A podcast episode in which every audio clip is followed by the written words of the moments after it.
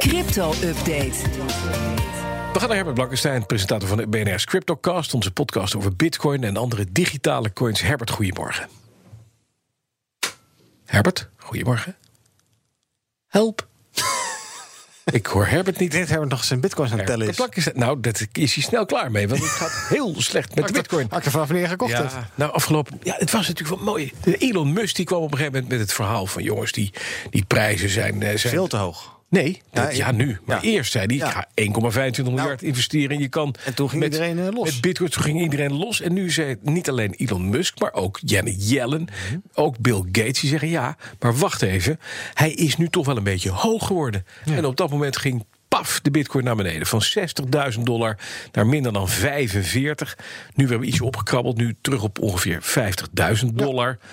En bij ons is Herbert Blankenstein inmiddels de bitcoins geteld. Zeiden we al. Herbert, goedemorgen. Ja, we zeiden Goedemorgen, Bas. Dit komt, die dalende trend komt natuurlijk hè, door eerst Elon Musk die hem opstuwt. En daarna zegt van nou, nu is hij wel een beetje hoog geworden.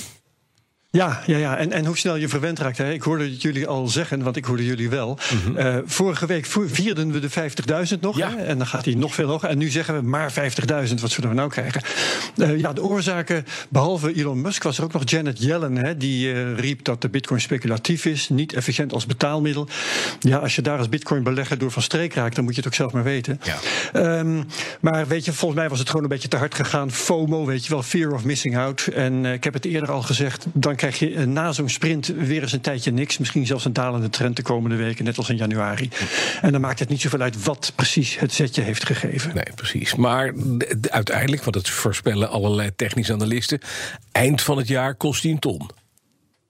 Ja, dat, dat is goed mogelijk. Eh, vorige week zei ik misschien wel in april. Ja, nou, precies. Ja, dat, eh, dat kan nog steeds, want in de verdubbeling van december tot februari was ook ondanks die daling van drie weken in januari. Hè, meer Ja, dan ja, 25 procent ging hij toen omlaag.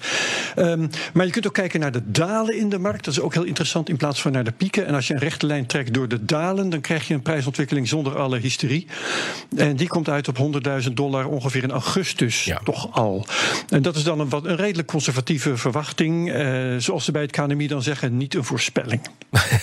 Maar intussen zijn daarna de eerste beursgenoteerde reuzen... ook de eerste kleine bedrijven opgedoken... die reserves in bitcoin stoppen. Eh, Zelfs een eerste Europees bedrijf, begrijp ik. Wie is dat? Ja, heel grappig. Eh, Het Duitse cannabisbedrijf, dus misschien hebben ze te veel gerookt, dat kan natuurlijk Ja. ook. Ze heette Symbiotic en die zegt precies na wat MicroStrategy bijvoorbeeld ook zegt, hè, de eerste bitcoinbelegger eh, onder de bedrijven, eh, dat het op grote schaal bijmaken van dollars en euro's de waarde daarvan geen goed gaat doen en dat daarom bitcoin een goede bescherming biedt. Dus dat is niet om snel rijk te worden, met andere woorden, maar om te voorkomen dat je langzaam arm wordt. Hm.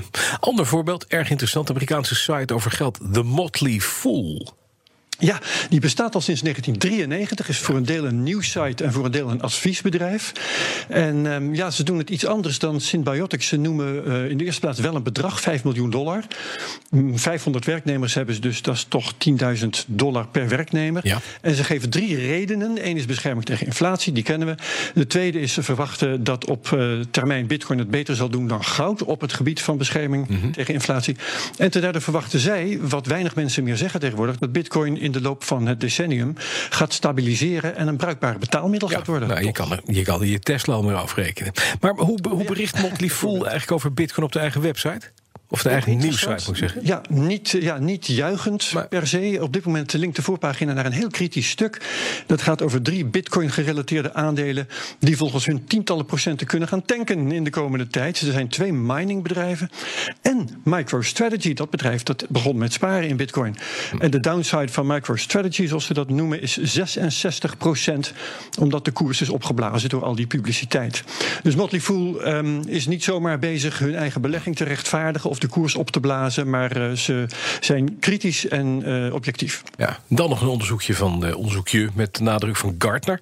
Groot bedrijfsonderzoek over bedrijven die sparen in bitcoin.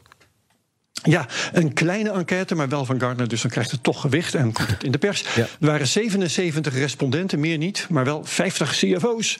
5% verwacht dit jaar nog reservemiddelen van dat bedrijf in bitcoin te steken. 10% verwacht in 2024 zover te zijn. En de meerderheid zegt nog altijd dat ze dat nooit gaan doen. Nou, zullen we dat over twee jaar nog eens herhalen? Dan kijken of we Ja, dit kunnen terughalen? Ja, ik denk dat ze dan wel veranderd dat zijn. hebben kunnen volhouden. Ja. Heel kort, deze week in de CryptoCast, dan zijn we door de tijd heen. Het verhaal van Bloks, een bedrijf dat in moeilijkheden raakte door het succes in de afgelopen maanden. We gaan uh, vragen wat, uh, ze, hoe ze dat hebben aangepakt en hoe het er nu mee gaat. Dankjewel, Herbert Blankenstein. Alle afleveringen van de CryptoCast te beluisteren via BNR-app, bnr.nl of je favoriete podcast-app.